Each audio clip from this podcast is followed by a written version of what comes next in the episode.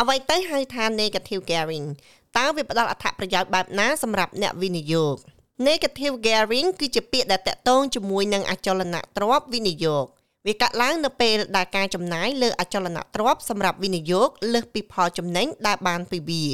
ម្យ៉ាងវិញទៀតការវិនិយោគមួយអាចត្រូវបានរៀបចំឡើងយ៉ាងល្អនៅពេលដែលប្រាក់ចំណូលពីការជួលគឺគ្រប់គ្រាន់សម្រាប់ការចំណាយទាំងអស់ដែលតាក់ទងនឹងអចលនទ្រព្យ រួមទាំងការប្រាក់កម្ចីផងដែរ Mcwell Sifman គឺជានាយកប្រតិបត្តិនៃក្រុមហ៊ុន Intrapac Property ដែលជាក្រុមហ៊ុនអភិវឌ្ឍអចលនទ្រព្យដ៏ធំបំផុតរបស់ប្រទេសអូស្ត្រាលីគាត់បញ្យល់ថាការចំណាយលើអចលនទ្រព្យសម្រាប់វិនិយោគលើសពីផលចំណេញគឺជាវិធីសាស្ត្រដែលមានសម្រាប់អ្នកជាប់ពន្ធអូស្ត្រាលីដែលជាម្ចាស់អចលនទ្រព្យវិនិយោគ វាតម្រូវឲ្យពួកគេទូទាត់ការចំណាយលើការកាន់កាប់និងប្រតិបត្តិការអចលនទ្រព្យធៀបទៅនឹងប្រាក់ចំណូលជាប់ពន្ធរបស់ពួកគេខណៈដែលគោលបំណងនៃការវិនិយោគលើអចលនទ្រព្យគឺដើម្បីរកប្រាក់ចំណេញភាពអវិជ្ជមានមិនធ្វើឲ្យអ្នកវិនិយោគបាក់ទឹកចិត្តនោះទេនៅក្រោមច្បាប់ពន្ធរបស់អូស្ត្រាលីអ្នកវិនិយោគអាចទាមទារការប្រាក់លើការសងប្រាក់កម្ចីរបស់ពួកគេជាការកាត់បន្ថយពន្ធ ប្រសិនបើអចលនទ្រព្យត្រូវបានជួលចេញឬប្រើសម្រាប់ការជួល So those who own a investment អ្នកដែលជាម្ចាស់អចលនទ្រព្យសម្រាប់វិនិយោគនឹងមានការចំណាយគ្រប់ប្រភេទដែលចូលនៅក្នុងការកាន់កាប់និងការថែរក្សាអចលនទ្រព្យនោះការចំណាយដ៏ធំបំផុតមួយអាចជាការចំណាយលើការប្រាក់ដូច្នេះការចំណាយទាំងនោះបង្កើតជាកន្លែងមួយ ហើយបន្ទាប់មកអ្នកក៏ទទួលបានប្រាក់ចំណេញពីអចលនទ្រព្យផងដែរអ្វីដែលអ្នកអាចធ្វើបានគឺទូទាត់ប្រាក់ចំណេញពីការជួលនោះធៀបទៅនឹងការចំណាយរបស់អ្នកហើយប្រសិនបើជាក់ស្ដែងការចំណាយសរុបគឺធំជាងចំនួនដែលអ្នករកបាននោះអ្នកអាចប្រើការចំណាយបន្ថែមទាំងនោះដើម្បីទូទាត់ប្រាក់ចំណូលធម្មតារបស់អ្នកពីការងាររបស់អ្នកឬចំណូលប្រភេទផ្សេងទៀតដែលអ្នកអាចទទួលបាន ការចំណាយលើអចលនទ្រព្យសម្រាប់វិនិយោគលើសពីផលចំណេញគឺជាការអនុវត្តទូទៅនៅក្នុងប្រទេសអូស្ត្រាលី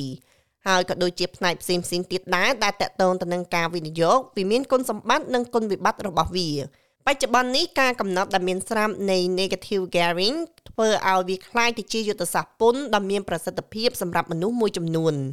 លោក Schiffman និយាយថាការដាក់ចេញនៅ negative gearing គឺជាការវិនិយោគ ឬការពន្យាពេលពន្ធជាជាងការកាត់បន្ថយពន្ធ Australia has a អូ particular ស្ត្រាលីមានពិធីសាស្ត្រពិសេសមួយនៅក្នុងការធ្វើវាដែលមិនមែនមានតែមួយគត់នៅក្នុងពិភពលោកទេប៉ុន្តែមានយុត្តតិកាមួយចំនួននៅជុំវិញពិភពលោកដែលមានលក្ខណៈខុសគ្នាបន្តិចបន្តួច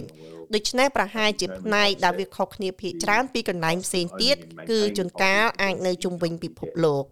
អ្នកអាចទូទាត់ការចំណាយទៅលើការកាន់កាប់និងថែទាំអចលនទ្រព្យធៀបទៅនឹងប្រាក់ចំណូលដែលអ្នកទទួលបានសម្រាប់អចលនទ្រព្យដូចគ្នានោះឬសម្រាប់ការវិនិយោគហើយដូច្នេះវាខុសគ្នាតិចតួចមានតលហីកត្រឹមត្រូវនៅក្នុងការគ្រប់គ្រង negative gearing ទីមួយវាអាចកាត់បន្ថយថ្លៃឈ្នួលដែលអនុញ្ញាតឲ្យម្ចាស់ផ្ទះកាត់បន្ថយប្រាក់ចំណូលជាប់ពន្ធរបស់ពួកគេ ទី2វាអាចបង្កើនតម្លៃលំនៅឋានតាក់ទាញអ្នកទិញឲ្យចាប់អារម្មណ៍លើអចលនទ្រព្យដែលមានលក្ខណៈ negative gearing ដោយសារអត្ថប្រយោជន៍ពន្ធដែលមាន Stephen McKenberger គឺជានាយកប្រតិបត្តិក្រុមនៃសេវាកម្មហិរញ្ញវត្ថុនិងជាប្រធានអធិប្បាយនៅ Canstar ដែលជាសេវាកម្មប្រៀបធៀបហិរញ្ញវត្ថុ គាត់បញ្យល់អំពីរបៀបដែលមានការចំណាយលើអចលនទ្រព្យសម្រាប់ការវិនិយោគលើចំណូលអាចប៉ះពាល់ដល់ទីផ្សារផ្ទះជួល The government allows negative រដ្ឋាភិបាលអនុញ្ញាតឲ្យ negative gearing ដើម្បីលើកទឹកចិត្តប្រជាជនឲ្យវិនិយោគលើអចលនទ្រព្យជាពិសេសនៅក្នុងអចលនទ្រព្យលំនៅឋាន ដើម្បីឲ្យប្រកាសថាមានការផ្គត់ផ្គង់អចលនទ្រព្យដើម្បីបំពេញតម្រូវការជួលផ្ទះ meet demand. ឥឡូវនេះប្រសិនបើភាគហ៊ុននៃអចលនទ្រព្យធ្លាក់ដល់កម្រិតមិនគ្រប់គ្រាន់ដើម្បីបំពេញតម្រូវការការជួលកើនឡើង លំនៅឋានคล้ายជាមិនអាចទិញបាននិងមានការខ្វះខាតធ្ងន់ធ្ងរឬការផ្គត់ផ្គង់មិនគ្រប់គ្រាន់រយៈពេលយូរ ដែលប្រជាជនអាចគិតថាពួកគេគ្មានផ្ទះសម្បែងការចំណាយច្រើនជាងចំណូលលើអចលនទ្រព្យសម្រាប់វិនិយោគគឺជាប្រធានបទដ៏ចម្រូងចម្រាសនៅក្នុងចំណោមអ្នកនយោបាយអស់រយៈពេល2-3ឆ្នាំមកនេះក្នុងអំឡុងពេលនៃការបោះឆ្នោតសហព័ន្ធឆ្នាំ2019លោក Bill Shorten នៃគណៈបក Labor បានសន្យាថានឹងដាក់កម្រិតលើអត្ថប្រយោជន៍ពន្ធនៃការចំណាយច្រើនជាងចំណូលលើអចលនទ្រព្យសម្រាប់វិនិយោគដែលមានស្រាប់ ដោយបានលើកឡើងអំពីការព្រួយបារម្ភនៅបញ្ហាវិសមភាពសង្គមទោះជាយ៉ាងណាក៏ដោយនាយករដ្ឋមន្ត្រី Anthony Albanese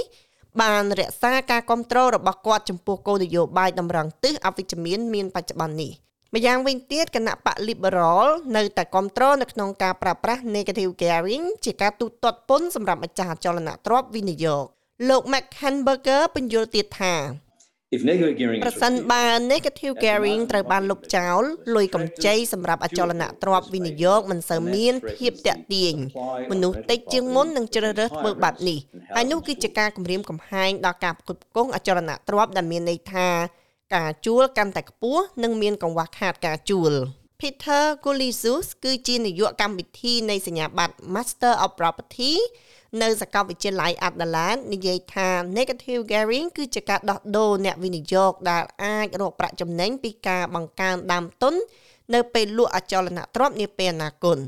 លោក Khalizus និយាយថាវាគឺជារឿងធម្មតាទេដែលអ្នកវិនិយោគជួបប្រទះនឹងការខាតបង់ក្នុងអំឡុងដើមឆ្នាំដំបូងនៃការកាន់កាប់អចលនទ្រព្យ If they negatively gear ប្រសិនបើពួកគេគិតអវិជ្ជមានលើអចលនទ្រព្យខុស ចូលអ្នកនិយាយថាផ្ទះល្វែងថ្មីដែលមិនមានកំណើតដើមទុនច្រើនពួកគេមិនត្រឹមតែខាត់បង់ប្រាក់ពីមួយសប្តាហ៍ទៅមួយសប្តាហ៍ប៉ុណ្ណោះទេប៉ុន្តែថែមទាំងមិនមានការកើនឡើងដើមទុនឬក៏កំណើនដើមទុនទៀតផងដូច្នេះហើយពួកគេធ្វើឲ្យខាតដើមទុនផងដែរហើយចំណុចអវិជ្ជមានមួយទៀតគឺសមត្ថភាពសេវាមានកម្រិត ប្រសិនបើធនាគារអាចមើលឃើញថាការវិនិយោគពិសេសនេះធ្វើឲ្យអ្នកចំណាយចំនួន100ដុល្លារក្នុងមួយសប្តាហ៍វាពិតជាលំបាកណាស់នៅក្នុងការទិញអចលនទ្រព្យបន្ទាប់របស់អ្នកឬសូម្បីតែផ្ទះផ្ទាល់ខ្លួនរបស់អ្នកប្រសិនបើអ្នកមានបំណុលប្រភេទនេះតាមរយៈការកាន់កាប់និងការវិនិយោគលើអចលនទ្រព្យវិនិយោគិនអាចកសាងទ្រព្យសម្បត្តិរយៈពេលវែងនិងកាត់បន្ថយការពឹងផ្អែកលើប្រាក់សោធននិវត្តន៍របស់រដ្ឋាភិបាល និងជំនួយការចូលនិវត្តន៍ លោក Khalizu លើកឡើងម្ដងទៀតថា tax benefits អត្ថប្រយោជន៍ពន្ធលើកទឹកចិត្តបុគ្គលឲ្យវិនិយោគនិងសន្សំជាពិសេសដើម្បីជួយពួកគេឲ្យមានភាពគ្រប់គ្រាន់ដោយខ្លួនឯងនៅក្នុងការចូលនិវត្តន៍ដូច្នេះជាឧទាហរណ៍បើទោះបីជាអ្នកជាម្ចាស់អចលនទ្រព្យវិនិយោគមួយមានតម្លៃ5សែនដុល្លារ ហើយនៅទីបំផុតអ្នកបានបង់ថ្លៃនោះក៏ដោយអ្នកប្រហែលជាមិនមានសិទ្ធិទទួលបានប្រាក់សោធននិវត្តន៍សម្រាប់មនុស្សចាស់ឬប្រសិនបើអ្នកមានអ្នកនឹងទទួលបានតែមួយផ្នែកប៉ុណ្ណោះដូច្នេះពួកគេមិនសូវមានបន្ទុកលើលុយកាក់របស់រដ្ឋាភិបាលទេឆ្នាំហិរញ្ញវត្ថុអូស្ត្រាលីបញ្ចប់នៅថ្ងៃទី30ខែមិថុនាហើយការបងពុនសម្រាប់ឆ្នាំហិរញ្ញវត្ថុនេះត្រូវតែដាក់នៅក្នុងចន្លោះថ្ងៃទី1ខែកក្កដាដល់ថ្ងៃទី31ខែតុលា អត្ថបទនេះរៀបចំដោយស្នេហាគ្រីស្ណាន់និង Rakshika